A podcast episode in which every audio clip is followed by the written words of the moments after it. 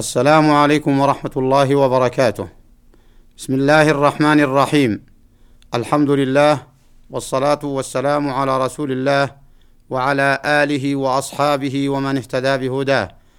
وبعد فيا أيها المستمعون الكرام إنه أطل عليكم ضيف كريم أشرق هلاله في سماء أراضيكم أهله الله على المسلمين بالأمن والإيمان والسلامة والإسلام والهدى والرشد وجعله الله هلال خير وبركة وعزا ونصرا للمسلمين.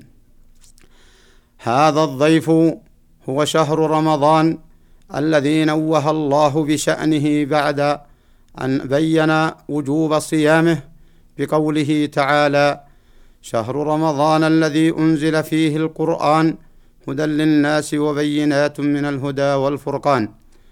أيها المستمعون إن هذا الشهر المبارك إن هذا الشهر العظيم لا يدر على المسلمين بفوائد عظيمة لا تعد ولا تحصى. منها أن شهر رمضان شعيرة من شعائر الإسلام فعلى المسلمين إحياء شعائر إسلامهم. ومنها أن صيام شهر أن صيام نهار شهر رمضان قوام بناء الإسلام وأحد دعائمه لا يقوم ولا يستقيم إلا به ففي الحديث الشريف بني الإسلام على خمس شهادة أن لا إله إلا الله وأن محمدا رسول الله وإقام الصلاة وإيتاء الزكاة وصوم رمضان وحج بيت الله الحرام.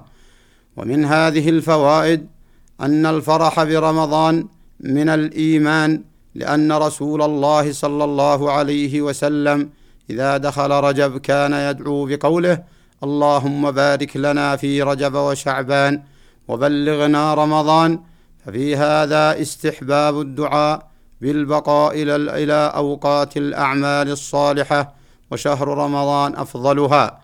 ومن هذه الفوائد أن النبي صلى الله عليه وسلم يبشر أصحابه بقدوم شهر رمضان ويفرح به فحق لنا أن نفرح ونستبشر بما فرح به رسول الله وبما اشتاق إليه رسول الله صلى الله عليه وسلم.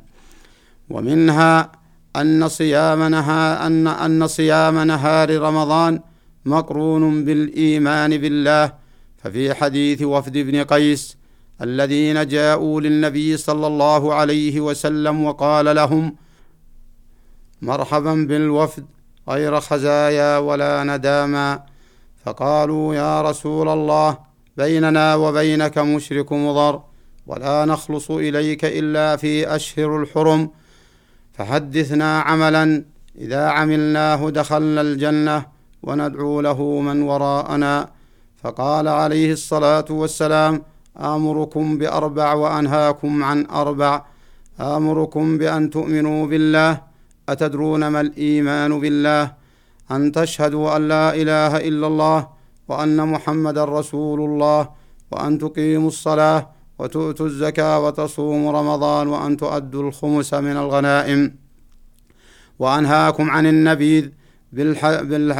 وأنهاكم عن النبيذ بالدباء. والحنتم والمزفة والمقير من هذه الفوائد التي تتعلق في شهر رمضان للمسلمين ظهور الاستسلام والانقياد لطاعة رب العباد ومن هذه الفوائد أيضا أن تظهر قوة المسلم على نفسه وشيطانه بترك شهواته امتثالا لأمر الله.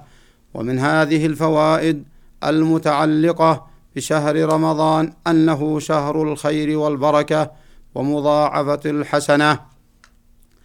الفريضة فيه عن سبعين فريضة والنافلة عن فريضة ومن هذه الفوائد العظيمة المتعلقة في شهر رمضان أنه تتجلى فيه المساواة فيستوي في عبادة الصيام الفقير والغني والرئيس والمرؤوس والذكر والأنثى إلا من عذره الله. ومن هذه الفوائد أن المسلم يتمرن على على أنواع الصبر التي هي صبر على طاعة الله وصبر عن محارم الله وصبر على قضاء الله وقدره. ومن هذه الفوائد أن الاستعداد لشهر رمضان من الإيمان بالله من الإيمان بالله لأنه يفرح به المؤمن ويكرهه المنافق ولهذا يعد المؤمن فيه القوت للعبادة والمنافق يعده لاغتنام غرات المؤمنين. الثاني ومنها أي من هذه الفوائد أن شهر رمضان مغنم للمسلمين المؤمنين ومغرم على المنافقين. ومن هذه الفوائد أن في شهر رمضان تظهر فيه مراعاة المؤمن للأمانة كالغسل والوضوء للصلاة فإن هذه الأمور أمانات سرية إذ هي بين العبد وبين ربه والله قد جعل صفات قد جعل رعايات الأمانات من صفات المؤمنين بقوله والذين هم لأماناتهم وعهدهم راعون ومن هذه الفوائد تهيؤ الفرص للمؤمنين فإن في شهر رمضان تفتح أبواب الجنان وتغلق أبواب النيران وتصفد فيه مردة الشياطين.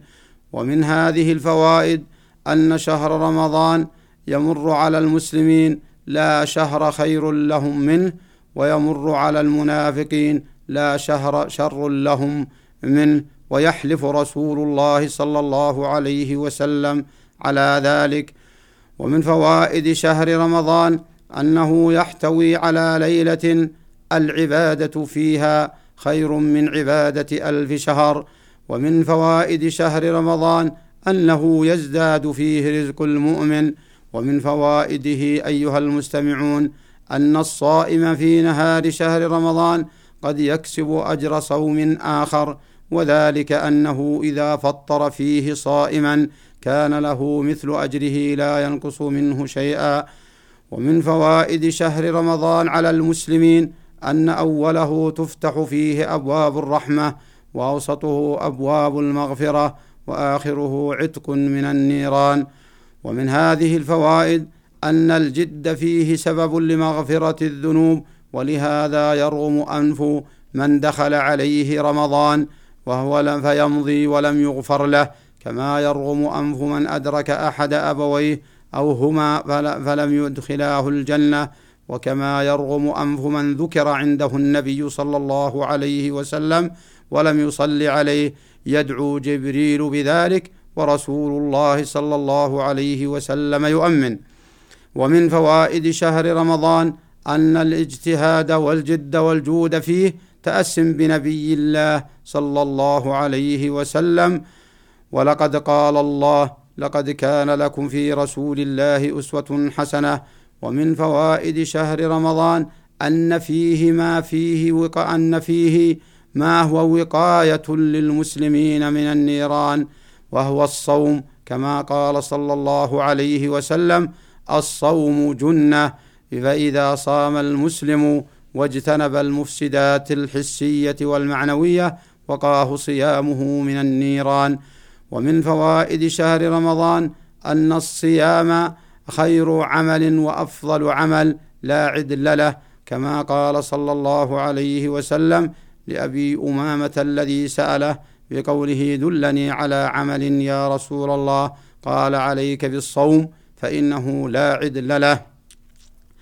ومن فوائد ومن فوائد شهر رمضان أن الرسول عليه الصلاة والسلام جعل رائحة فم الصائم المكروهة عند الناس أطيب عند الله من ريح المسك.